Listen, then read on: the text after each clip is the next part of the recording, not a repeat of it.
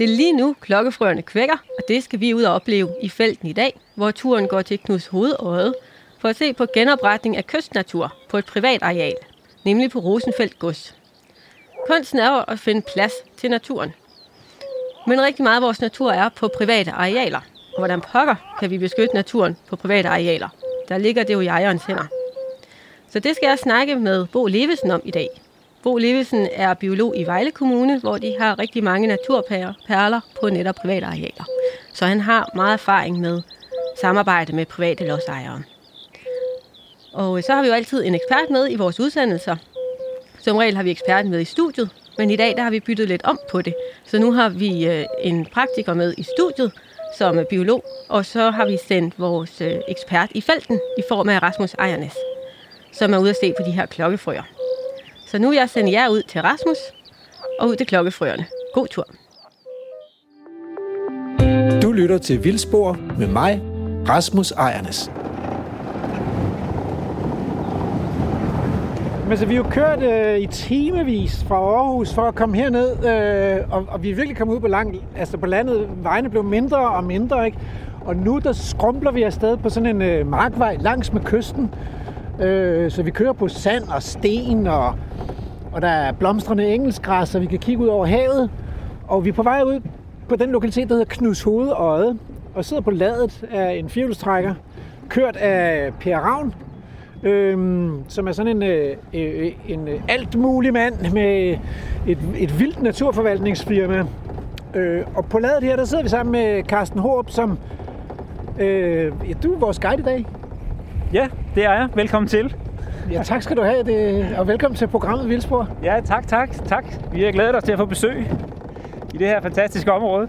Det er jo et helt vildt sted, og jeg er glad for, at vi kører i bil, fordi hvis vi skulle gå helt derud til spidsen af Knuds Hoved og Øjet, så havde det jo taget hele dagen. Ja, der er langt. Det er der. Der er mange kilometer. Men, øh, men, men øh, det gode spørgsmål er jo, hvad laver du egentlig her? Fordi du, du ejer jo ikke Knuds Hovedøjet. Det må vi jo desværre... Øh... Nej, det, det gør jeg desværre ikke, men øh, jeg bruger en stor del af min arbejdstid herude øh, de næste fire år i det her projekt, som vi skal snakke om i dag, Live Klima Bombina. Et kæmpestort live-projekt, som øh, Bonniborg Kommune, hvor jeg arbejder øh, og naturmedarbejder i, har fået, øh, har fået tildelt, kan man sige. Ikke? Øh, så jeg er projektleder på Live Klima Bombina og arbejder som sagt i, i Vordingborg Kommunes øh, naturafdeling. Men Bombina lyder lidt som en fyldt chokolade eller en varieté-danser inden, så kan du ikke lige sige, hvad Jo. er det der Bombina for noget? Jo, Bombina det er det latinske navn for klokkefrøen. Bombina, Bombina. Yes. Ja. Og det er hovedpersonen i, i projektet herude, øh, sammen med en masse andre ting. Og vi kan også godt lige tage klimatingen med det samme, nu vi snakker. Øh, Klima Bombina. Altså projektets hovedformål, det er at skabe nye levesteder for klokkefrøen, fordi den er presset af klimaforandringerne. Havvandstigninger, øh, større øh, hvad hedder det, vinteroversvømmelser, eller vinterstorme, vinterhøjvande, som oversvømmer dens øh, kystnære yngleområder. Den yngler jo i rene, ferskvandede søer, og når der ja. kommer sådan en skulp saltvand ind, så bliver vandhullet øh, ikke brugbart for klokkefrøen i en årrække. Okay. Og det er en af udfordringerne herude, fordi naturen ligger presset helt ud mod kysten. Så projektet går i sin hovedformål med projektet er at skabe nye øh, levesteder for klokkefrøen og andre padder og fugle på højbundsjord. Og klokkefrø er, er gået tilbage i Danmark, altså i forhold til sådan den, den historiske udvikling, men er, er sådan, sådan nogenlunde på sikker grund i dag. Ikke? Hvor, hvor har vi klokkefrø hen i Danmark? Har du styr på det? Ja, men det har vi. Altså, det er jo primært øh, her på Sydsjælland, øh, Vordingborg Kommune, Næstved Kommune har lidt. Så er det i Storebæltsregionen. Røstnes er en rigtig fin bestand op også. Øh, Slagelse Kommune er der også noget i, og så er det det sydfynske øhav. Og det er jo ofte ret gode naturlokaliteter, ikke? fordi de gode vandhuller ligger sådan varmt og lysåbent i sådan nogle, øh, vel typisk nogle græsningslandskaber, hvor ja. der også kan være en ret rig flora og insektfauna i øvrigt. Ja, helt sikkert. Og så typisk også øh, kystnært, Ja. fordi den kræver rigtig meget varme, så så meget sol som muligt. Øh, lys, lyseksponerede solåbne vandhuller med, Ja. med græsne dyr øh, i ellers artsrige naturområder er, er vigtige for arten. Ja. Altså, vi har faktisk kørt forbi nogle vandhuller her undervejs, ikke? Ja, ja. Øh, er, de, er de potentielle for klokkefrø? Altså, eller? vi kan jo faktisk, det vi lige passerer nu her, Okay. kan du se. Sådan en ganske lille et her. Det er ganske lille. Det er faktisk en, øh, en, en, øh, en, en klokkefrøsø, men den bliver oversvømmet med saltvand ved de her store... Ah, fordi vi kører jo lige langs med Vi havet. kører langs med havet, ja. Og, og det er jo ikke til at se sådan en fin dag her i dag, men når vi har halvanden meter mere vand hernede, end vi plejer, så, så bliver den der oversvømmet. Og det gjorde den faktisk øh, forrige år. Så øh, i år, der, øh, der fungerer den ikke. Der er den salt. Og det vi i øvrigt kører, der, der er ret blomsterrigt her, det må man sige. Ikke? Der er øh, blomstrende hårde høver, der er blomstrende engelskgræs, øh, jeg så nogle øh, stemmerblomster, og lærkerne synger, og, og det skinner fra en stort set skyfri himmel, øh, solen i dag, så det er en smuk dag at være ude på. Og nu, nu kører vi forbi de blomstrende hvidtjørn. Så der er, der er liv og glade dage. Foråret har for alvor fået fat. Ups. Jeg vil sige, hvidtjørnen, det er, altså, det er virkelig det, der, der topper herude nu. Det er helt fantastisk. Der er rigtig, rigtig mange gamle, gamle hvidtjørn herude, og de står lige på det højeste og skinner. Ja. ja. Og det er jo en insektmagnet af den anden verden, sådan en øh, blomstrende hvidtjørn der. Og ikke bare, øh, ikke bare elsker de øh, bestøvende insekter at komme til blomsterne, men, øh, men hvidtjørn er også en plante, der har utrolig mange tilknyttede, øh, hvad kan man sige, planteædende insekter, der, der simpelthen kun lever på hvidtjørn. Også en rigtig fin sommerfugl, sortåret hvidvinge, øh, hvis larver har hvidtjørn som værtsplante. Ja, det det er behøver du ikke træde i, den har vi ikke herovre. Er desværre. rigtigt? Ja. Vi fik den på besøg i Hjortshøj sidste år. Det var simpelthen Okay. sådan, at jeg åbnede en flaske champagne, fordi jeg blev så glad over at se ja, ja. det er en fantastisk sommerfugl. den. Nå, men, men, men I har jo noget andet herovre så. Altså, der er jo ikke fransk bredpande hernede. Det, så skal man op i Odsherred, ikke? Ja, det er rigtigt. Men der må Men- være andre gode sommerfugle. Ja, jamen, det er faktisk begrænset lige, når vi snakker sommerfugl. Okay. Det, det, er, det er ren standard af milliarder, vil jeg sige. Men er det fordi, øh, at store dele af det landskab alligevel har været igennem sådan en opdyrkning og tilplantning? Eller hvad, hvad er det, der, hvorfor I- er sommerfuglen er gået fløjten? Ja, altså det vil jeg tro. Det vil jeg tro. Altså nu, nu lidt senere på turen kommer vi ud på det, det rigtig fine, det gamle natur. Ja. Øh, men det ligger jo meget, øh, det ligger jo meget vindeksponeret, så jeg tænker heller ikke, at det er sådan en oplagt sommerfuglelokalitet. Øhm, men altså, der har jo været nemosyne inde i skoven, Ej, hvor vildt. indtil et af de sidste steder, den forsvandt faktisk på Sjælland. Jeg tror, det var i 50'erne. Så, øh, så, så skoven har været god knudskov, som vi har kørt igennem. Ikke? Og den havde vi jo Nemosyne her, øh, talte vi om i sidste uge, hvor vi snakkede skovlysninger. Så det er en af de dagsommerfugle, der er uddøde fra danske skovlysninger. Der står en fiskehajer der og kigger lidt betuttet på os i kanten af sådan en af de små søer her. Nå, men altså øh, live klimabombina. Ja. Og live, det betyder, at øh, EU har givet, øh, har givet penge til projektet. ja, det har de. Og, og, og det er fordi, at... Øh, ja, ja, hvorfor giver EU penge til det? Jamen altså, for det første, fordi vi er jo i Natur 2000-området. Okay. Og der er Natur 2000 handleplan med Ja. ja. nogle målsætninger for arter og naturtyper, og især klokkefrøen. Så klokkefrøen, det er en af de arter, der er beskyttet ja. af EU's habitatdirektiv, og ja. Der er udpeget Natur 2000-område for her. Ja. Og det går rigtig dårligt i hele EU for klokkefrøen. Okay. Så det er en af dem, der lyser højrødt dernede. Ja. Så de får en ansøgning om at forbedre vilkårene for det. Jamen så øh, har vi så heldigvis øh, har de set positivt på det. Ja.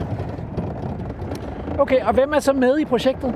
Jamen det er jo øh, Vordingborg Kommune, det er Per, som kører bilen, Amfi Consult. Og så har vi en tysk partner nede i øh, Slesvig-Holsten. En stor tysk naturfond, der hedder Naturschutz Slesvig-Holstein. Øh, de ejer omkring 35.000 hektar, som de forvalter med natur som øh, for øje, kan man sige. Ikke? Øhm, og de bidrager med lidt de samme aktioner, som vi skal gøre herude. Altså en masse for, med vandhuller og padder. Og, øh, Nu bliver det meget terrængående. skal vi lige op over en kant her. Yes. Øhm, og de har rigtig stor erfaring, også det her med at udvikle ny natur på tidligere landbrugsjord. Så dem er vi rigtig glade for at have med i, i projektet. Fordi det er jo noget af det, vi skal tale om i dag. Hvad gør man egentlig, når man tager sådan... Fordi det, vi kører og har kørt henover her, bortset fra, at der var jo mange blomster og, og meget dejligt lige nede ved stranden, så er det jo et landbrugslandskab, som så i varierende grad, hvor man har stoppet dyrkning, ikke? men man kan godt se, altså her, jeg ved ikke, om det er blomstrende hyrdetaske, eller, men det er sådan, det er tidligere marker. Ja, det er det. Ej, nu skal jeg lige... for at vi ikke kommer væk fra det. Jeg skal selvfølgelig også lige nævne den, den vigtigste partner, som også er Miljøstyrelsen. Fordi Miljøstyrelsen, øh, Miljø- og Fødevareministeriet, har faktisk sikret det her projekt ved at finansiere de her 40 procent af beløbssummen, som, øh, som, som medlemslandene selv skal, skal skaffe. Yes. Så det er simpelthen en national pulje, vi har været så heldige at få del af hernede. Ja, så er det på plads. Nå, men det er meget fint. Ej, nogle, der er nogle fine små kalve her. Så der går græsne dyr her øh, Ja. på, på noget, som man jo må kalde en græsmark. Ja, Og det, det som øh, de der Slesvig-Holsteiner så kan hjælpe med, det er, hvordan laver man egentlig en græsmark om til et blomsterrigt overdrev, for eksempel? ja lige præcis. Øh, For halvanden uges tid siden havde vi besøg af to øh, tyske eksperter, som ikke laver andet end øh, at arbejde med at, at udvikle natur på de her tidlige arealer. Og i Tyskland er de jo meget proaktive i forhold til det her med udsåning. Ja. Øh, så de havde stor erfaring i, hvordan man høster frø, og hvordan man får dem sået ud igen. Øh, og det var primært noget af det, vi, øh, vi snakkede med dem om herude i, i det her projektområde. Og det er, jo, det er jo mega spændende, og samtidig også dejligt kontroversielt, så det er jo noget, hvor man virkelig kan få ørerne i maskinen, fordi der er nogen, der synes, at, at man skal holde nallerne for den slags, fordi man blander sig jo lidt i naturens vilde processer, ikke? Men hvis nu man ingenting gjorde her, og bare lod de her dyr gå og græsse på det her areal, hvad vil der så ske? Jamen, så vil der jo starte med at komme de arter, som, som, som der er flest af herude. Ja. Øh, tisler, brændeller, brumbær, øh, vi kender dem, alle de, de kvælstofelskende arter. Øh, de vil jo indfinde sig med det samme, og det ved de jo blandt andet, fordi at de arter, vi gerne vil have ind, jamen de er ikke herude mere. Selvom vi er i et naturområde, så er det ret begrænset lige her, hvor vi er nu, hvad der er af naturlig oprindelig øh, græslandsflora, kan man sige. Og man kan jo godt kalde øh, sådan en, en proces, sådan en successionsproces i naturen for sådan lidt af et lotteri. Øh, den, processen afhænger af, hvor mange lodder arterne kommer med. Og som du siger, når det ligesom har været gennemdyrket landskabet her, så er det ærtissel og kvik og neller og Ja. bursnær Ja. og græs, der kommer med de fleste lodder Mm. i lotteriet. Ja. Så, så det er det, vi prøver at, at spille ind med på den dagsorden der med, altså dem, de arter, der kommer først, de vinder konkurrencen. Ja. De, vi giver dem i hvert fald mulighed for det, kan man sige. Spændende. Jamen, øh, nu- har Per øh, stoppet bilen. Nu har vi stoppet bilen her, og Så det kan vi sgu har vi kigge. gjort, fordi vi skal se på noget vand. Øh, fordi lige nedenfor her, hvor vi sidder, der øh, er der jo kommet et, et rigtig, rigtig fint vandområde, vil jeg sige. Øhm, det er sådan en meget organisk sø. Og det er simpelthen kommet på baggrund af, at vi har slukket én pumpe. Den pumpe, I kan se nede ved kysten der, I kan lige se hatten af pumpestationen. Ja, ja. Den er vi simpelthen slukket for. Der har ikke været nogen gravemaskiner i jorden overhovedet endnu. Vi har bare slukket pumpen og for at se, hvad der skete. Så alt det vand, vi faktisk ser i dag, det er noget, der er kommet ved, at man har slukket for en pumpe. Så det vil sige, at man har ikke engang behøvet at, at grave dræn i stykker, eller det er simpelthen, man har stoppet afvandingen, ja. og så stuer det op til sådan en lille fin sø her. Ja, ja. Det De ser kom, skide godt ud. det ser skide godt ud, og, og det er svært at lave med en maskine også. Ikke? Øh, altså naturen er rigtig god til at lave de her oversvømmelser selv. Øhm, men selvfølgelig kommer vi til en af de store og de største aktioner i projektet, det er jo at skabe den her naturlige hydrologi herude. Og selvom de her marker ser sådan nogenlunde flade ud, så er de fuldstændig gennemdrænet. Øh, så alt, hvad der hedder dræn øh, øh, rundt om lavningerne, vil blive fjernet. Det er, jo, det er jo noget det, vi har snakket en del om, det vi kalder shifting baseline syndrome, altså at man vender sig til det landskab, man selv er vokset op med. Og noget af det, man ikke tænker på, det er, at hele Østdanmark er jo så gennemdrænet. Altså, der ligger dræn øh, i flere meters dybde. Ja. Og det er jo en imponerende bedrift, at de er blevet gravet ned i sin tid med håndkraft, mange af dem. Og, øh, øh, og hvis man vil have vandet tilbage i landskabet, så må man ligesom lukke de der dræn, sådan at øh, vandet kan få lov til at stige. Ja, ja. Og lave de her små vandhuller og små enge og moser rundt omkring. Ja, og især nu er vi jo på et, øh, en stor ejendom, Rosenfeldt Gods, øh, og, og historisk har de jo virkelig øh, været fremme i skoen i forhold til at, til at dræne arealerne. Så, så, så når vi kigger ned i en, øh, en, en drænbrønd her, så er der nogle gange 3-4 meter ned. Ikke også? Altså, de er virkelig langt nede. Men altså, øh, hvorfor går de med i sådan et projekt her? Fordi det er jo bare tilsætning det her. Nu, kommer der, nu står der en besværlig sø på den her mark, og, og, og hvis der skal være overdrev her, så kan man ikke længere høste så meget og afgrøde og udbytte og sådan noget. Hvad, what's in it for dem? Altså, hvad skal de bruge? Jamen altså helt, øh, helt hardcore økonomisk, så, øh, så har de fået en, øh, en indgangskompensation øh, for at opgive øh, at dyrke arealerne. Og det er så sikret fremadrettet ved, at der bliver tinglyst en deklaration på hele området, der siger, at det kan ikke indgå i dyrkning igen. Okay. Så det er sådan den kort fortalt det. Og så kan man sige, de har selvfølgelig øh, øh, igennem generationer passet på naturen herude, og de er rigtig glade for deres klokkefrøer. Øh, så det har de selvfølgelig også gerne vil være med til at, at understøtte den, øh, den udvikling. Og så er de bare glade for de her landskaber, ikke også? Så der er indgået en reel handel, og det er jo også noget, det vi taler om, at hvis man vil have naturen tilbage, så er man nødt til at købe, købe den fri og udbetale nogle erstatninger for det, man så ikke længere kan producere. Ja, lige præcis, lige præcis. Det er sådan, det er, fordi det er jo dyrkningsarealer, og nu er der godt nok vand på dem, men det har faktisk været nogle rigtig fine arealer. Der er 110 hektar dyrkningsjord herude, som er blevet drevet rigtig fint med frøgræs. Øh, det er en god afgrøde, en højværdig afgrøde. Det ligger kystnær, der er ikke så meget frost, der er meget fugt i luften. Og det er noget af det, som, øh, som Rosenfeldt er specialiseret i, det er at lave frøgræs. Så det har faktisk været nogle fine dyrkningsarealer. Det er ikke som sådan marginal jord herude. Øhm, Men kunne man så ikke have fundet noget jord i Vestjylland i stedet for? Altså, hvorfor skal det være lige her? Altså lige her, det, det har vi ikke været inde på endnu, men det er jo, øh, det er jo et, et hotspot for, øh, for danske padder og krybdyr, Knus Hovedøje. Vi har jo 17 ud af de 19 arter af padder og krybdyr, de, de findes her på, på øjen. Okay. Så vi har en lang række af alle de sjældne padder øh, er her. Klokkefrøen som, som den vigtigste. Vi har strandtuse, vi har grønbrødshuse, vi har løgfrø, vi har løvfrø, Yes. og så alt det, Det almindelige. det almindelige. Ikke? Øh, hugorm, sort hugorm, sno, øh, Glat, glat sno, eskulapsno. jeg tænker, at vi kan finde i dag, så, så, så får vi en til listen. Ikke? Det var godt. Eskulapsnoen har jo haft en af sine sidste danske levesteder, mener man, også hernede på, i, i de sydsjællandske skove. Så, og rent faktisk, nu snakker vi lige om padderne, det kan vi lige så godt tage med det samme. De har faktisk allerede fundet de her søer. Der har siddet grønbrød tusse i dem her i år, og over på den næste sø, vi kommer til, der har sågar siddet en strandtusse. Og strandtusse, den er ekstremt sjælden her. Vi har den et sted i Vordingborg Kommune, næsten faktisk kun i et vandhul ude på hovedet. Ja. Øh, så så det, der var været et enkelt eksemplar, der trods alt havde været herinde, eller er kommet hertil, og med det samme har fundet en af vores nye søer. Øh, Hvordan er det lige, I ved det? Har I numre og GPS-tags på dem, eller hvordan finder I ud af, at der lige har været en? Jamen, den sidder og synger. Okay. Eller kvækker gør den, ikke? Det er ikke den. Nej. Det er den grønne frø. Ja, det er den grønne Den frø. synes jeg godt, jeg kunne kende fra øh, Mols. Ja.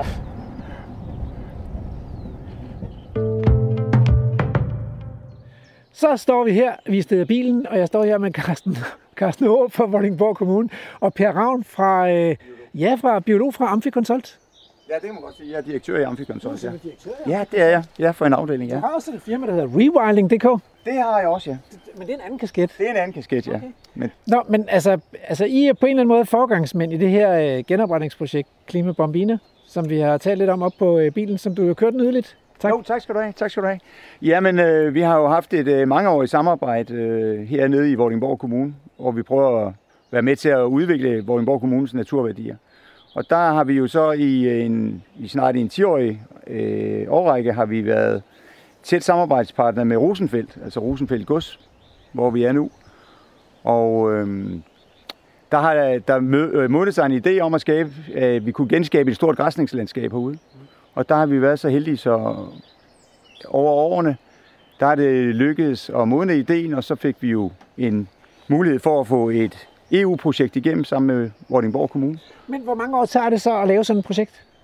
Ja, selve projektet, altså det tager fem år, men det er den mindste. Den største del af det er jo at opbygge de her tillidsskabende relationer, som gør, at man kan få en stor lodsejer til at medvirke til noget, hvor man tager produktionsjord ud og genskaber fortidens landskaber. Så, øh, så det lykkedes at opbygge noget tillid, og jeg drukker noget kaffe og Vi har drukket meget kaffe. snakket om Og padder. griner meget, ja. Okay, men det er godt. Fordi, øh, og så står vi her øh, ved måske et af Danmarks ældste lindetræer. Det er jo helt vanvittigt. Altså et kæmpe stort knudret lindetræ, som man skal være mange mennesker for at nå rundt om. Øh, med en stor levende krone. Så det er jo i fuld vi gør sådan set. Ja. På vej ud mod spidsen af Knuds Øje. Ja. Og det er jo, altså, der skal man jo have haft noget veneration for det her gamle landskab for at, den har stået her i mange hundrede år. Ja. Så hvis vi var, ligesom, var kommet i år 1700, så er, den, så er der også stået et lindetræ her. Ja, og hvis vi går tilbage til år 1700, så var det her jo et del, det er den sidste bevarede del af et gammelt østdansk øh, kratlandskab, overdrevslandskab, som herude har været på cirka 20-25 kvadratkilometer stort. Wow. Ja.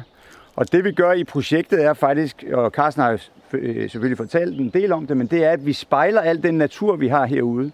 Den spejler vi inde på de næste, de 100 hektar natur, bevaret natur, vi har jo, spejler vi inde på de næste knap 200 hektar. Og på den måde øh, prøver vi så, om vi her i første omgang kan genskabe et sammenhængende græsningslandskab med både gammel egeskov og med åbne kratte og, og sletter på cirka 450-500 hektar. Og det er jo sindssygt varieret, fordi udover at vi står ved det her mega gamle øh, lindetræ, så, så er vi omgivet af nogle meget gamle egetræer, og ja. der ligger en død stamme derhen, og der er en anden død stamme derovre. Men der er også en skovlysning med blomstrende hvidtjørn, som jeg kan se øh, fra hvor vi står. Og der er også et lille vandhul, eller noget, der ligner ja. øh, et lille vandhul der. Og vi er tæt på havet og kigger ud under de, de der rosenbuske eller øh, tjørnebuske der. Ja. Så kan jeg kigge ud et helt åbent, tørt landskab med blomstrende håret høgeurt. Ja. Ekstremt varieret. Ja, og øh, det er jo det, du er jo selv en advokat for det, det er jo, at de, al den øh, artsrigdom, som vi har enkelte steder i Danmark, hvis vi skal understøtte den, og hvis vi skal bevare den i, øh, til de kommende generationer, så bliver vi nødt til at give plads til naturen. Og herude har vi altså en mulighed for at give rigtig meget plads. Ikke, øh, ikke vanvittigt meget plads, men virkelig genskabe noget af, af fortidens øh, storhed. Her vil vi jo øh, i projektet, bliver det nu afgræsset med Galloway, men fremover vil der også komme eksmorheste, så vi laver sådan en flere artsafgræsning, og der er dårdyr og rådyr herude også. Og det er jo så dem, der skal passe, hvad kan man sige, passe arealerne herude, og sørge for, at der er plads til biodiversiteten herude.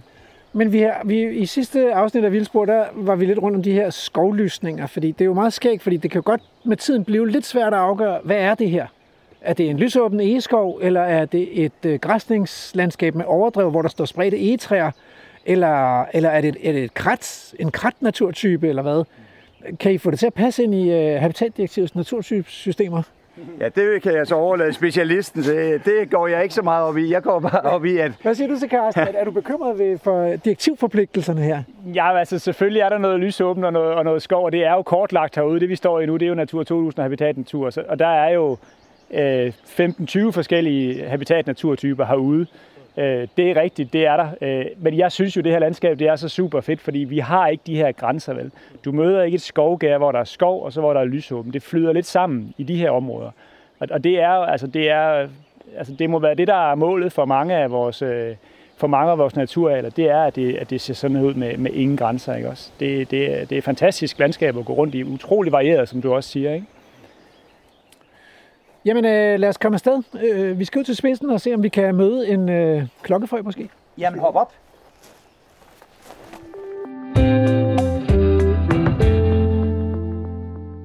Velkommen tilbage til studiet. Jeg har besøg af Bo Levesen, som er biolog i Vejle Kommune. Og Vejle Kommune har en masse smuk natur, men meget af det ligger på private arealer. Så derfor har Bo jo en udfordring med, hvordan han kan komme ind og beskytte naturen bedst muligt på arealer, som han ikke har noget ejerskab over, og kommunen ikke har. Så velkommen til, Bo. Tak for det. Og jeg vil gerne høre, hvad, hvor starter du henne, når du øh, kører rundt i kommunen og finder et naturareal og tænker, wow, her vil jeg gerne ind og løfte naturkvaliteten? Øh, jamen, jeg, jeg starter med at finde de sjove arealer øh, allerførst. Øh, men det, det næste, jeg gør, hvis jeg støder på et sjovt areal, det er at gå hjem og slå den op i øh, vores skisystem og finde ud af, hvem der ejer den. For det er jo ejeren, der er nøglen til løsninger på sådan et areal, der er privat ejet. Ja. Og, øh, og så øh, mit næste skridt, det er simpelthen at kunne besøge vedkommende. Okay. Og hilse på, og gerne tage ham med ud på arealet. Ja. Og gå en tur. Og få en snak om, hvordan han egentlig i dag driver det areal, som, øh, som ligger derude. Fortæl ham noget om, hvilke gode arter han har. Hvad oplever du, at de er glade for det? At de er interesserede? Ved de selv meget om deres nej, arealer i forvejen? Nej, det, det gør de egentlig ikke. Altså typisk så øhm, gør de jo det, som de egentlig har gjort i en årrække. Hvis der ja. har været græsning på, hvis hans far for eksempel havde græsning på, så sætter han også græsning på. Ja. Men hvorfor lige præcis, øh, at arealet blevet, som det er, hvorfor naturen er, som den er, det ved de faktisk ikke, øh, ikke særlig meget om. Nej. Så det er meget vigtigt at få dem forklaret det. For det viser sig jo, når man så fortæller dem, hvad de har af gode sager, så bliver de sådan lidt stolte. Og, Ja. Nå, har jeg også sådan, jamen jeg har godt hørt i radioen, at den der orkidé der, den var, den havde det svært i Danmark, og jamen du har den faktisk stående lige hernede. Nå, er det den, de snakker om i radioen en gang imellem? Eller? Åh, fedt, ja. ja. så, så det giver sådan lidt øh, positiv opmærksomhed. Men øh, det er vel ikke nok? Hvad, Nej, det er jo hvad ikke er helt næste nok. skridt så? Ja, ja, men næste skridt det er jo selvfølgelig også at få, få tænkt lidt fremad sammen med ham. Og få snakket lidt om, hvad, hvad, hvad skal det her egentlig blive til, og hvad er dine planer her? Er der noget, har du problemer med? Og, og typisk så kan vi også se, at der måske er sådan lidt, øh, lidt langhåret rundt i kanterne, og der går måske kun øh, et enkelt par dyr tilbage, eller går der slet ikke nogen. Øh, går der ikke dyr, så er det klart, så snakker vi lidt om, hvordan øh, kan det være, at der ikke er dyr på arealet mere? Har du ikke selv? Nej, min far han stoppede, og jeg har ikke tid mm. til det der med de der dyr der. Jeg arbejder. Prøv at finde ud af, hvor, øh, Ja. hvor klemmen sidder, kan man Ja, sige, eller hvor, hvor problemet opstår. Lige præcis. Øh, og det går der noget tid med. Og så, så tror jeg egentlig, det aller, aller første og vigtigste i den der situation, det er egentlig bare sådan en helt afslappet snak i forhold til, hvad, hvad hans situation egentlig er. Ja. Og, og få opbygget den der helt grundlæggende tillid, øh, som gør, at man kan snakke videre om, om, om store og vilde planer sidenhen, ikke også? Ja, Så det handler egentlig meget om at få ham til at forklare situationen og få afdækket den situation, han nu står i, så jeg kan komme i stand til at hjælpe ham. For det er jo det, jeg gerne vil. Jeg vil gerne hjælpe ham hen til at fastholde den gode natur eller lave den gode natur. ja. Så bliver et fælles mål, vi sætter. Ja, lige præcis. Lige præcis. Hvad så, hvis han har en drift på arealet, der ligger en økonomisk interesse i? Jamen, det er ikke uh, sjældent. Altså, det er Nej, næsten, næsten udgangspunkt, vil jeg sige. Og det, det, det er måske en af de store, øh, rigtig store udfordringer, vi faktisk har i dag også. Øh, fordi at jo, man, man plejer, eller jeg plejer i hvert fald at sige, at der er ikke nogen som helst landmand, bonde i Danmark, der nogensinde har drevet de der overdrev, som, eller enge, øh, for, for sjov skyld. De har gjort det, fordi de havde brug for dem Ja, fordi de kunne tjene et eller andet ved det. Ikke? Også de havde et eller andet indtægt eller noget værdi ud af det. Og det var ikke orkideren, der gav dem værdi. Det var jo det, som dyrene kunne tage af areal, der gav ja dem værdi. det var en foderværdi. Lige præcis. Og det skal man jo ikke glemme, når man står over for, for lodsejeren, at det jo ikke, han gjorde det ikke for orkiderens skyld. At, at det så var en fantastisk sideeffekt, at orkideren de sprøjtede op, fordi øh, Ja. der gik dyr der hvert år. Det var fint. Så, så det største øh, problem, det er jo egentlig at få flyttet, hvad skal man sige, fokus fra, fra drift over på naturgevinst. Ja, Og ja, så, altså det, vores største problem i det er jo så egentlig også, at de ordninger, der ligger som tilskud, ja, de er faktisk mindet til at øh, give tilskud til landbruget, og ikke så meget tilskud til naturen. Det er lidt på landbrugets præmisser, at man giver tilskud. ja. Så der er mere tilskud i at fortsætte driften, end at indstille driften og give plads til naturen. Ja, det, det er det. Altså typisk så er der de, det her grundtilskud, som landmændene får på alle arealer, Ja, kan de faktisk også få på en del af de her beskyttede naturarealer. Og det er lidt et problem, fordi der skal man nogle bestemte ting til nogle bestemte tidspunkter. For eksempel skal det helst afslås øh, inden en gang hen sidst på sommeren. Og det er jo et typisk tidspunkt, vi helst vil have, men ikke slår det der sidst ja. på sommeren. lige der, hvor det sprøjter op med blomster og sommerfugle og insekter, så Lige skal vi præcis. ud og øh, med en stor græsslåmaskine ja. hele vejen. Og de køre over det hele. myreture, der måtte være kommet, de bliver jævnet ud og så videre. Ikke? Ja, Så, så det er egentlig første opgave, det er egentlig at få ham til at forstå, hvordan passer man egentlig sådan et stykke natur, hvis det skal blive godt. Ja. Ja. Og så dernæst prøve at se, jamen, kan man flytte ham fra for eksempel den her landbrugsordning, grundskudstilskud der, over i en mere naturvenlig ordning. For der findes også nogle ordninger, som er mere naturvenlige. ja, Problemet er bare, at øh, de på sådan nogle arealer ikke giver så stor øh, en indtægt til ham. ja. Der bliver et, et indtægtstab, hvis ja. Han laver det skifte. Ja.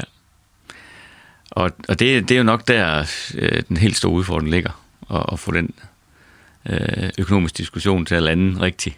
Ja. Hvad har I, uh, hvad har I i værktøjskassen? Øh, jamen en af de ting, vi bruger, øh, som vi har sat lidt penge af hos os øh, til, det er at, at få, få arealet sat i en øh, tilstand, så det kan afgræsses, eller fortsat kan afgræsses. Typisk så er det jo så er det problemer, når man kommer ud på de her arealer, så er der problemer med, at hegn det står og, og har det dårligt, eller der er måske øh, strømgiverne gået i stykker, eller der kan være så mange ting. også? Så vi kan facilitere, at de her ting, de kommer på plads igen. Okay, ja. Vi kommer ud med noget hegn, og Ja, ja. Hvad med vand og læskur? Der kan være mange, ja. mange ting, der skal etableres. Øh, jamen, det er rigtigt. Jamen, vi, de, vi vil egentlig gerne lave de, de fleste af de der ting, men det afhænger selvfølgelig så af, hvad areals værdi er. Vi kigger jo meget på, hvor stor, den, hvor stor en værdi er, her har arealet rent naturmæssigt. Okay, så I får prioriteret Ja, vi midlerne prøvede- til de bedste naturarealer. Ja, simpelthen. Vi, vi har sådan en top 100 liste, kalder vi den sådan lidt uofficielt, Okay. som vi arbejder efter. Og, Hvordan har I øh, udarbejdet den? Jamen, det er egentlig noget, der sådan er kommet over en årrække, hvor vi har været ude og kigge arealer, og så, så, kommer, vi, så kommer vi hjem med vores artslister, og så sammenligner vi med de der artslister, vi har Ja. for de andre, og så ser jeg, oh, den her, der er mange gode arter her, den hopper højt op på listen, og så får den en plads på den her liste. Så det er simpelthen, når vi er på tilsyn eller på besigtelse, og vi finder nogle gode are- arealer, så lægger vi dem ind på den her top 100, hvis ellers de har, har kapacitet Top til det. 100, så har I også mange arealer rundt omkring. Jamen, det har vi. Det har vi. Jeg ved slet ikke, hvor mange arealer vi har, men vi har jo cirka en 3.500 hektar bare græsland. Hold da. Så Så det er en måde at prioritere midlerne, sådan at de får brugt Ja. midlerne på de, Ja. på de bruge- bedste arealer. Ja, det er det. det er det. Vi har jo ikke ubegrænset midler, slet ikke. Nej, det er jo det. det er desværre ikke nogen, der har. Slet ikke på nej, og vi er naturområdet. også i, i Vejle Kommune lidt, øh, hvad kan man sige, uheldigt stillet, man kan sige, men vi ville jo egentlig gerne have haft lidt flere internationale beskyttelsesområder, Natur 2000-områder, for der får du jo Mm. der får du øh, tilskud. Der kan du søge om hegn og så videre. Og landmændene er sikret et øh, plejetilskud også. Ja, i de områder der. Men der har vi kun nogle, ja, hvad har vi? Cirka halvdelen af de arealer, der er på vores top 100-liste, der er faktisk ligger i Natur 2000-området, resten ligger udenfor. nå okay. Hvad er det største projekt, I har lavet på, øh, på privat areal? Og det er nok, øh, det er nok øh, Omme Ådal. Øh, der har vi faktisk øh, der har vi hegnet noget, der ligner 300 hektar Ja. i hele Ådalen. I en samlet hegning? Øh, både og. Altså, det er i hvert fald en hegning, som ligger, hvor hegningerne ligger op til hinanden, men det er ikke en stor hegning, som egentlig dybest set gerne vil lave. Ja. Det er, det er mange små, som ligger, men som ligger fuldstændig i enden af hinanden, så man kan lukke leder op og så videre, så dyren kan gå fra i princippet den ene ende til den anden. Ja. Øh, Den er på 300 hektar, så har vi lavet en, en stor en op ved Odderbæk også, i den nordlige del af kommunen på 180 hektar, Ja. som græsningsselskaber. Og det er jo i hvert fald et godt skridt på vej til at få de rigtig store hegninger, vi egentlig gerne vil ende med at have. Ja. Øh, Men det kræver jo i høj grad også, at lodsejerne er indstillet på det, og afgive den der suverænitet øh, og gå ind Ja. i det her fællesskab. Der Er det lodsejerne, der ikke eller kommer lidt i vejen, hvis de gerne vil lægge arealerne sammen? Er dem, der er lidt usikre på at, at flytte mellem hegningerne? Ja, det er det nok egentlig. Altså, vi, vi, vi lægger ikke nogen grænser. Øh, Vi, vi vil egentlig gerne have et, et så stor hegn Ja. som muligt.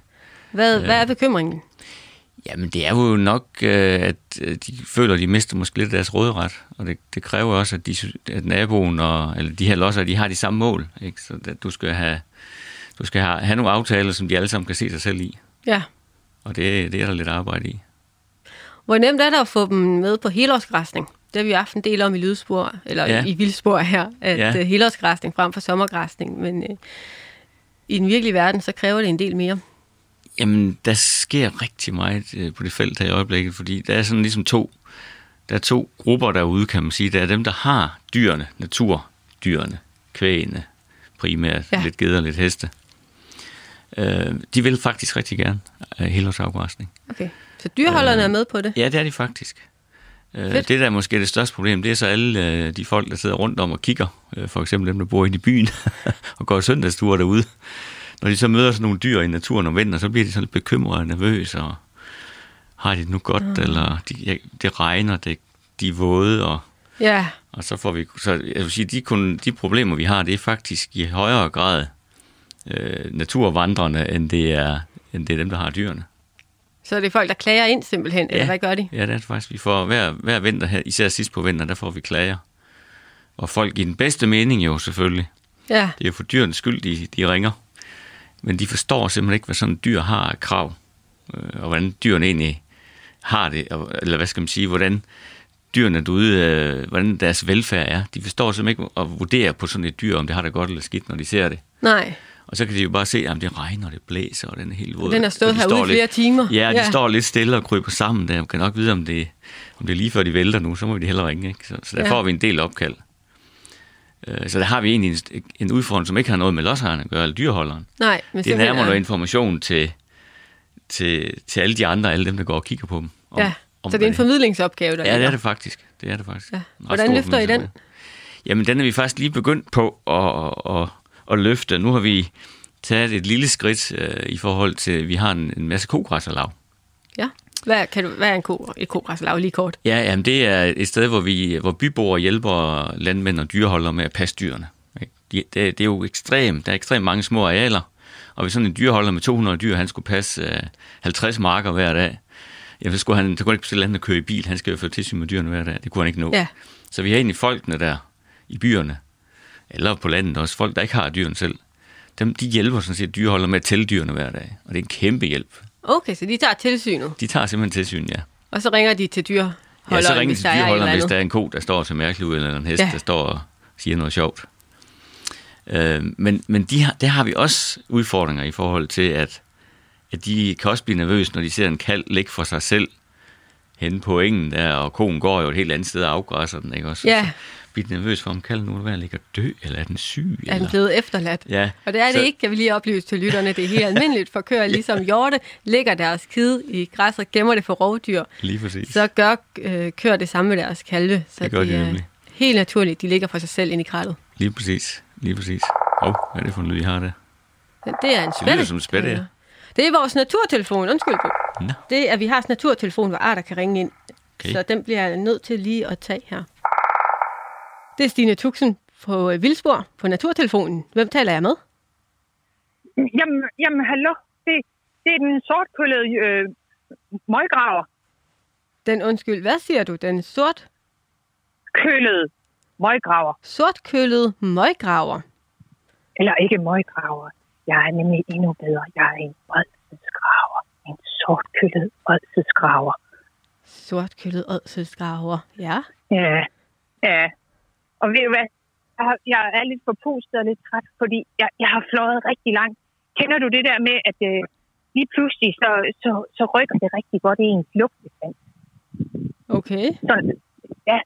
Og det er jo fordi, jeg har sådan nogle store, store, fine antenner, og ude i mine antenner, der sidder jo sådan nogle kølleformede dele, og det er der min fine, fine lugtesand sidder. Og en gang imellem, river det så fantastisk i det. Jeg, jeg tror lige, øh, jeg skal være med her. Altså, du har antenner, Jeg har og sådan du en nogle antenner. ådselsgraver. Hvor er vi Ja. henne? Er vi over i... Øh, er det en fugl, vi snakker om? Hvor er vi henne? Nej, en fugl. Nej, jeg er sørme et insekt. Jeg er en bile. Ah, vi er en bille. Ja. Ah, Ja, altså, har du nogensinde set fugle med antenner? Nej, nej, det har jeg da ikke endnu. Nej.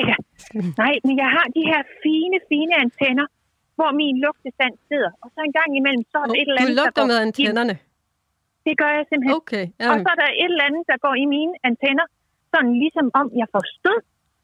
Og så, altså, jeg bliver helt salig og blød i knæene. Det er sådan ligesom, når, når mænd de, øh, ser, at øh, der er udsigt til en fest. Altså, jeg er simpelthen nødt til at flyve på det. ja, det lyder godt. Så jeg, ja, det er faktisk mega godt. Så op imod vinden, og så simpelthen på den der lugt. Er det sådan en god duft af blomster, eller hvad er det, der, øh, der river i dig? Ah, blomster. Altså, hvem er det blomster? Nej, det er sådan, det er sådan duften, sådan duften af noget, der sådan er lidt daggammelt. Sådan, sådan lidt dødt. Fordi Det er dødt jeg går og i- daggammelt. Ja. Okay. Det tror jeg også river i næsen, det kan jeg godt forestille mig. den der gruppe. Det, altså, jeg, jeg hører jo til Olses fagnaen, ikke også? Så, så jeg, sådan, når jeg får, får færden af, af, af sådan lidt, lidt død dyr, så flyver jeg jo simpelthen på det. Det er Og så, ådsler, du øh, går efter. Ja. Simpelthen. Og øh, altså, jeg, kan, jeg, har, jeg er ikke så stort et, øh, et, et ådselsdyr, vel? Så, så, så jeg, øh, jeg går lidt efter de små ådsler. Øh, og så gælder det jo om at komme først. Det gælder jo om at komme før fluerne, fordi de der pokkers fluer, hvis de først kommer gang i, får gang i et ådsel, så er der ikke noget tilbage til os andre. Nå. Så jeg flyver hen til det der, det, det kan være en lille mus eller en lille gnave af en anden slags. Og så, øh, så begynder jeg jo sådan lige at, at sondere terrænet og sørge for, at der ikke kommer andre hanner til. Fordi jeg, jeg er jo selvfølgelig en han. ja. Hvordan sørger du for, at der ikke kommer andre hanner til? Jamen altså, jeg, jeg, jeg, jeg jager dem jo væk. Og så samtidig, så udskiller jeg jo et duftstof. Jeg vifter lidt med numsen, og så udskiller jeg et duftstof, som skal tiltrække en lækker hund. Fordi nu har jeg jo erobret et ådsel, og det vil jeg jo selvfølgelig gerne dele med en, med en lækker hund. Ja, det er klart. Ja, og så når hun kommer, så, øh, så beslutter vi os for, at nu skal vi simpelthen i gang med en fælles indsats. Fordi vi skal, det her ådsel, vi skal jo undgå, at der er andre, der kommer og stjæler vores ådsel, så vi skal have det gravet ned i en vis fart. Altså, det er jo derfor, jeg hedder ådselsgraver, ikke også? Graver hele ådslet ned. Ja, ja da. Øh, og og det, det, det er jo noget af en opgave. Altså, det er også derfor, for det meste, så går vi efter lidt små ådser. Altså, et krondyr er en lidt for stor mundfuld for os. Ja. Øhm, men men så, så, så begynder vi at grave, så graver vi ind under det der ådsel, og vi kommer også til at savle lidt på det, så, så det bedre glider ned igennem jord. Men Ja. uh-huh. det er lidt bøvlet, fordi samtidig, altså, vi, vi er nødt til at afbryde arbejdet mange gange undervejs, fordi vi skal også lige parre os. Og Det er vigtigt. gør Det, vi det altså skal man ikke uh, Ja. svare på. Så, øh, så vi får parret, og så vi graver, og parrer, og så vi graver. og så på et eller andet tidspunkt, så har vi jo fået lavet sådan en lille lækker ådselspølse, hvor vi så får bidt de sidste hår af den der mus, fordi det skal vi ikke rigtig bruge til noget. Og så dernede i jorden med vores ådselspølse, så, øh, så ligger fruen, hun ligger jo så nogle æg. Og der kommer larve ud af. Og de er, sådan, de er sådan lidt ligesom menneskebørn. De kan ikke selv finde ud af at spise de der larver. Så vi er nødt til at fodre dem, så vi bliver faktisk sammen med larverne og fodrer dem. Så I fodrer jeres Og- larver? Ja, med det der dejlige lille ådselspølse, vi har fået lavet nede under jorden. Og det, det er bare rigtig hyggeligt. Så, øh, så det går vi og hygger os med. Altså det er jo så til gengæld alle kære, det er jo sådan, der er rigtig mange, altså især mennesker, de synes bare, at vi er mega ulækre. Og det vi spiser er mega ulækre. Og, øh, og de har et eller andet med, at de vil gerne vil fjerne vores mad. Og, og det synes jeg simpelthen, jeg synes ikke, det skal være det bestemt. Altså hver gang, at et menneske ser et øje, så siger de enten, Nå, hvor det er sødt på det lille dyr. Vi kunne også udstoppe det, altså hvor jeg tænker, jeg har da aldrig nogensinde udstoppet jeres mad. altså, Det kan jeg godt se. Det kan jeg godt se. Ej, det er nok de Og det- og færreste det- mennesker, der lige tænker på mad, når vi ser et ådsel. Det kan jeg godt se er ja, en udfordring. ja, hvor det er sådan lidt, altså hele os, alle os, der lever som åldsesfagner, vi er altså lidt presset, fordi der skal ryddes op. Der må ikke ligge, ligge ålser, og det er pindsvin, og det er, altså det er jo stakkels dem, der er de store, altså de ådselsdyr, der lever på de store ålser. Altså, de har det godt nok svært, fordi hvis der nu endelig ligger et ådsel ude til vejen, jamen, så kommer folk og henter det, og altså, jeg vil bare sige, i stedet for, nej, et, år, et ådsel det er, altså smid det ud i skoven, så vi, kan, så, så vi har noget at leve af. Og øh, altså, bare prøv at tænke på, hvor mange af mine venner, der er uddøde på grund af mangel på mad. Altså, i sådan et, et rigt samfund, der, der synes jeg godt, at I kan undre os noget mad. Så flere ådsler ude i naturen. Vi skal bare lade det ligge, så skal I nok komme og fjerne det for os. Det er faktisk slet ikke et arbejde, Ja, vi ja, behøver. vi, ja, vi rydder op, Ja. ja. fordi altså, nu, nu tager jeg mig specielt meget af musene. Og prøv at tænke på, hvis jeg ikke spiser alle de der mus, så vil I simpelthen drukne i døde mus rundt omkring. Ej, det Men øh, det klarer vi. Øh, så, øh, og vi, vi skal nok sørge for at rydde op, og, og det er jo faktisk øh, vigtig mad for rigtig mange dyr. Og, øh, og rovfugle, og altså sommerfugle kan jo sagtens leve på åd, så vi er mange, der har glæde af ådsler. Godt. Så, øh, så, Det så vil vi er den give videre ting. til, øh, til mennesker. Har flere ådsler, lad dem ligge. Så skal Ja, og så en ådsledere nok komme. børnesang om også ådsleder, og det kunne jeg også godt tænke. En børnesang om ådsledere. Det, Ja, ideen er Så, givet så videre. vi ikke er så, så folk forstår os, fordi vi er altså virkelig et misforstået Er I lidt overset af dyr. Ja, dyregruppe? det synes jeg. Jeg håber, vi har nogle kreative lytter derude, der er klar med en børnesang. Oh, jeg vil glæde mig. Tak fordi Så du jeg ringede ind. synge den for mine laver. Det lyder da godt. Tak skal du have. Selv tak. Hej. Hej.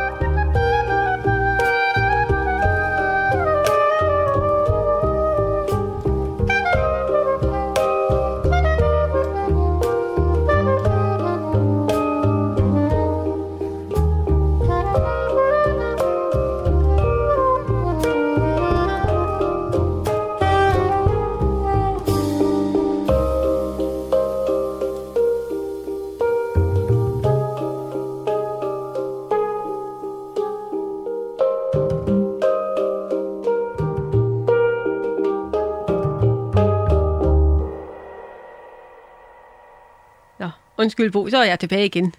Det er vel ikke til at vide, hvornår den telefon ringer ind. Nej, men det var da interessant øh, med den der lille graver der. Vi må da til at være lidt mere også på at lade de der røster ligge, i stedet for at være så pæne og smide dem i skraldespand. Ja, jo ikke. simpelthen. Det Åbenbart. simpelthen ikke. Øhm, hvor var det, vi kom fra? Det var øh, det, var det med bekymrede borgere og Mhm. dyrene, der går ud om vinteren. Ja. Og I gør noget for at løfte formidlingen. Ja, Øhm, ja, for det er egentlig det største problem. Det er jo som sagt det er ikke dyreholderen, der, der, der siger nej til, at dyrene går ud. Det er faktisk bekymringen der. Og der har vi, øhm, der har vi lige her for nylig haft en lille forpremiere på noget, der kunne blive en, en lille kampagne måske. Okay. Fordi vi, fik, jo, vi har også fået en henvendelse ned fra et øh, lille lokalt kogræslav i, i Vejle, som var bekymret for, jamen der var mange ting. Der var både om vand, det de drak af var godt nok, og også det her problem med kaldene, der lå og blev væk ude på engen, og Ja, der var sådan de, de, de, de mange bekymringer. Så, så tænkte jeg, at det kunne være, at vi skulle få en fagperson ud og forklare, øh, hvordan de her dyr, de har det, når de har det godt. ja, Og så ringede jeg til, til en af, af de dyrlæger, vi snakker ofte med, Randi Worm, ja. og fik hende ud og, og havde sådan en lille chance, hvor, vi, hvor hun fortalte lidt om, hvordan sådan et dyr har det, når det har det godt, og ja. Hvad er det, man skal kigge efter? ja, hvad man skal kigge efter, og hvordan kan man se, om det er sulten eller mæt, og om det går og er tilfreds, og, og det her med kalve. Kan snakker du hun om. forklare det til vores lyttere? Hvad skal man kigge efter, når man Ja, ser ja. dyr derude? Ja, altså for det første, øh, de her øh, dyr, de er jo flokdyr, så de går ind i, i flokken, og hvis de er i flokken alle sammen, så er alt normalt godt. Ja. På nær jo, når man øh, får en, når, man, når køerne får et, en kald, den ligger de jo af, ligesom for eksempel rådyret gør ude i, det- i det vilde også, det ligger også deres lam af. Ja, Det gør køerne faktisk også. De første døgn efter øh, fødslen der. Og, og lige der, der springer kæden altså af for mange mennesker. Det kan de simpelthen ikke forstå. Nu er, der, nu er konen simpelthen opgivet kalden, og hvad skal vi da gøre? ja. Så sådan nogle ting, det er jo meget vigtigt at få fortalt, ikke? at øh, det er helt normalt, at konen lægger sin kald af nede i engen. Jeg havde faktisk en oplevelse med en kalv, hvor moren først ikke ville kende ved den. Ja. Så vi havde kalv med hjemme en overnatning Ja. øhm, for at lade ham i live. Og så ville vi jo sætte ham tilbage til flokken og ligesom lade ham blive optaget af moren, håbede vi på, hun Ja. ville tage ham til sig. Ja. Men vi kunne faktisk ikke få ham til at nærme sig øh, flokken. Han var jo kun det der døgn. Han søgte ud i krattet og lagde Okay. sig, og konsekvent ud i krattet og lagde Så Så, så hentede vi ham tilbage igen ind i flokken. Så drejede han af og gik ud i krattet, og vi var ude og hente ham det er igen. simpelthen så kraftigt instinkt. Det var meget Ja. stærkt instinkt i kalven, at han Ja. skulle ud og gemme sig et eller andet sted. Ja. Men det ser vi jo også. Og det er jo meget vigtige øh, ting at få folk at, at vide, for det er jo noget, man reagerer kraftigt på, når sådan en lille dyr, nyfødt dyr ligger der for sig selv, ikke også? Jo. Og så snakker vi også om vandkvalitet, og hvornår er vandet godt og skidt, og hvor meget vand sådan en ko overhovedet drikker om dagen. Den drikker jo en 60-70 liter, sådan en, en ko ja. Der. Kan de drikke af naturlige? Sagtens, sagtens. Øh, dog, øh, en, en meget vigtig punkt i den sammenhæng, det er jo de her øh, forskellige parasitter, der er derude. Ja. Og der er især en, der hedder leverigte, øh, som kan være et problem i områder, hvor, hvor der står sådan noget stillestående, øh, sådan lidt over, tidvis oversvømmede arealer. Ja. Hvis, hvis, hvis dyrene går og drikker af de her øh, lavvandede, oversvømmede områder, så kan der godt øh, være smitte med leverigter. Så der skal man tænke sig om i forhold til, hvordan man har dyrene. Okay. Øh, det er mest dyreholderne, der skal det. Ja. Men dyr kan sagtens drikke af åer og vandløb øh, og bække og kildeområder, det er de sagtens. Også det her med, hvor, hvor godt, øh, hvor koldt og varmt skal køerne egentlig have det. Ja. Og, og der, især om vinteren jo ikke også, hvor, hvor man tænker, nu fryser de. Men egentlig så, hvis man, øh, det er en god sammenligning, det er jo, at, at de moderne malkestalle, der hvor, hvor alle vores malkekøer står, Ja. de er jo fuldstændig åbne. Der er jo ingen væg i dem. Der er bare sådan noget net nede på siderne. Ellers er det et stort, det er bare sådan et stort hus med et tag over. Og så er der løst net hængende ned på siderne, for at de skal have det så koldt som muligt. Fordi koen yder faktisk bedst, når temperaturen er lav. Nå. Øh, jeg fik det, det faktisk forklaret, nej, det vidste jeg egentlig heller ikke, men jeg fik det forklaret af Randi Worm, der er dyrlægen, at, at jo højere temperaturen bliver, jo ringere for koen det er, jo mere, jo mere skal den anstrenge sig for at producere det her mælk. Så den vil faktisk helst producere mælk sådan ved 10 grader og, og lavere. Ja. Og det samme gælder de vilde øh, kvæg, kan vi sige halvvilde, vores, ja. Vores kødkvæg, der går i naturen. bedre i det kolde. Ja. En varm sommerdag, det er faktisk øh, mere anstrengende for en ko end en kold vinterdag. Ja. Så det er også nyttig viden at få, få fortalt videre, jo. Ja, meget. Så, så den øh, lille chance der, den øh, havde vi egentlig tænkt os at gentage for alle vores kokgræslag. Vi har sådan en fælles årlig temadag, Ja. hvor man kunne lade, lade Randi lave den øh, formidling der. Og det er jo det, der er kernen i det her, det er jo vidensformidling, for, for, for folk forklaret, hvad er op og ned på det her, hvad er rigtigt og forkert. Ja. Så ligesom, ligesom når vi snakker med, med, med om, hvad han har stået på marken, ikke? Hvad, hvad har han af gode sager der? Ja, det er også en formidlingsopgave til at I starte høj grad. I høj Ja. grad. Hvor, øh, hvor godt fungerer det med jeres kogræsserlag? Jamen, Jamen, det virker faktisk rigtig fint. Øhm, der, der er stor interesse for det, og der er stadigvæk nye, der dukker op. Vi har lige fået lavet et nyt op i, i Jelling Ja, her i sidste uge. Og jeg synes også, det er en fantastisk øh, måde at bringe, øh, hvad skal vi sige, folk og, og de der øh, folk og natur sammen på. Så det er mere end bare at gå en søndagstur. Du får et forhold til naturen også på den måde her, ikke også? ja, Det tror jeg også, folk kan se. De tager, vi kan se, at vi, vi rammer børnefamilier mere på den her måde, end vi ellers gør i vores Ja. formidling. måske også, at de får et mål at komme ud og gå efter. I Lige stedet for bare, præcis. skal vi gå en Lige tur? præcis, ja. Skal vi gå ud og kigge til køerne? Ja, ja, det er det. det, er det. Og, og det har også gjort, at vi har fået trukket nogle, øh, mange flere dyr tæt ind på, på byen, faktisk. Vi har, vi har mange bynære hegninger efterhånden i Vejle. Så, så det, det Hvad er ligger, hvor, hvor bynært er bynært, når du siger? Jamen, det er klods op af parcelhusene. Altså, vi har mange græsninger, som kun, hvor, hvor faktisk havehækken adskiller øh, græsningen. Ja, Så, så tæt ligger de på. og det reagerer folk positivt på. Bestemt. Ja, det gør de. De tænker ikke, det tiltrækker en masse fluer. Øh, jo, den har faktisk været oppe. Okay. den har faktisk været oppe. Men, øh, men de har de så kunne se ved selvsyn, at det gør den jo faktisk ikke. Man skal selvfølgelig ikke placere øh, vandetro lige klods op af, af, af haven. Det må man godt sætte lidt længere væk. Men, men de her vilde dyr her, eller de her kvæg, der går rundt og græsser som vilde dyr, de fordeler sig ud over arealet jo. Ja, Så der er ingen problemer med det. Vi har ikke hørt den eneste flueklage, faktisk. Det har vi. Hvad så med øh, de arealer, hvor græsning ikke er en mulighed? Hvis det er private arealer, græsning ikke er muligt. Ja, hvad vi kan gøre der? Ja, Jamen, det er, det er måske de arealer, der er allermest oppe ad bakke i virkeligheden, fordi det, det, det er jo græsning, vi vil. Øh, øh, så jamen, der, er nogle, der kan man jo, man kan slå noget hø, eller man kan lave noget forårsafbrænding, eller man kan måske også bare lade arealet stille og roligt gro til. Ja. I virkeligheden, ikke også? Lad, lad det springe i en naturlig skov. så kommer der nogle andre arter noget Yes. andet til. Ja, så kommer der nogle andre arter til. Øhm, det der med at slå i hvert fald, det tænker vi, det skal man, tænke, det skal man virkelig passe på med at få gjort på det rigtige tidspunkt. Altså tidligere sent, ikke midt på sommeren. Ja, Men, men øh, noget, man også godt kunne lege lidt mere med, som vi har, vi har leget en lille smule med, det er den her tidlige forårsafbrænding. Den kan faktisk også give et godt resultat. okay. Hvad kan den?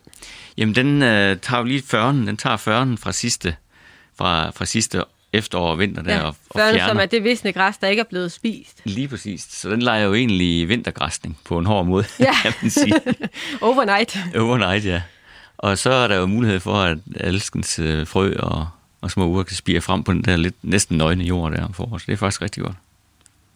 Ja, så det kan handler lidt om, det vi gerne vil opnå med, med vintergræsningen og fjerne det visne græs, så Ja. der kommer lys og varme ned til jordbunden, så alle blomsterne det, det kan spire. høstlettet eller afbrændingen jo også klare i en vis Ja. omstrækning. Og vi har da også et øh, par høstlet lav, øh, men, men, øh, men det er græsning, der, er- der er klart vores foretrukne. Ja. Også at den giver noget af det græsningen kan, som ilden desværre ikke gør, det er, at den efterlader lort. Ja, Og øh, og træet er meget mere tråd. Altså, Meget mere lavet- optråd, lavet altså, den laver spirebede. Ja, det gør den nemlig. den laver huller i vegetationen, så Ja. der kan spire nye planter op igennem. Ja. Øh, Og hvis vi lovmæssigt kunne få lov, lov følge lovgivningen kunne få lov, så kunne dyrene også efterlade nogle ådsler. Det kunne de jo Apropos gerne, bestemt. Ja, ja, ja. Altså, det er ikke os, der skulle sætte den her vejen i hvert fald. Men det vil jo også kræve, nu snakker vi om formidling før, det vil jo også kræve en, en ret intens øh, formidling Ja. om, hvad skal der ske her, og hvorfor. Ja, det er ikke Så noget, vi bare har glemt. Ej. Og, og, og der har vi jo en udfordring i forhold til det, det eksisterende landbrug, hvor man jo snakker smitte og smittetryk. Og, Ja, og det er også landbrugsreglerne i dag, Ja, ja, ja. ja. der forhindrer Ja, os i at ja. kunne lade dyr ja, ligge. det er det. det, er det. Øhm, eller for at tvinge os er at fjerne dem. Ja. Øhm, men det var mere for, hvad, hvad dyrene gør forskel i forhold til afbrænding. For det fjerner førnen, men der er masser af andre lækre effekter Ja. ja. ved græsning. Jamen, vi har et projekt oppe i Tirsbæk Bakker, hvor vi sammen med en, ja, det er faktisk et mega spændende projekt, hvor vi sammen med, det er en, faktisk en af de få projekter, jeg ikke har lavet sammen med landmænd. Er Ja. en bioudvikler, Morten Hansen, Tirsbæk Bakker, så er der Verdens Skove, NGO-organisationen Verdens Skove, og så Vejle Kommune. Ja, Øh, Verdens Skove har leveret nogle øh, vilde heste, de er så vilde, som de kan være i hvert fald, konikheste. Øh, og jeg har sat et hegn op, Vejle Kommune har sat et hegn op, og Morten Hansen har leveret arealerne. Og det er sådan et øh, blandet areal bestående af noget lidt tidligere noget opgivet mark, og han har endda hegnet nogle byggegrunde med ind, fordi han mente ikke, de blev brugt så, så hurtigt. Så. Øh, og så er der noget, noget sådan ret lysåbent skov, som egentlig bare skal lægge hen til urørt skov. Så der går de heste der på sådan 15 ja. Hektar. Og det var vi egentlig lidt spændt på øh, at se, hvordan de folk, der bor deroppe, der bliver jo bygget uh, 1000 eller 2000 nye huse. Hvordan folk vil reagere på de her vilde heste, men det har været fantastisk. Ja. Folk har taget super godt imod dyrene.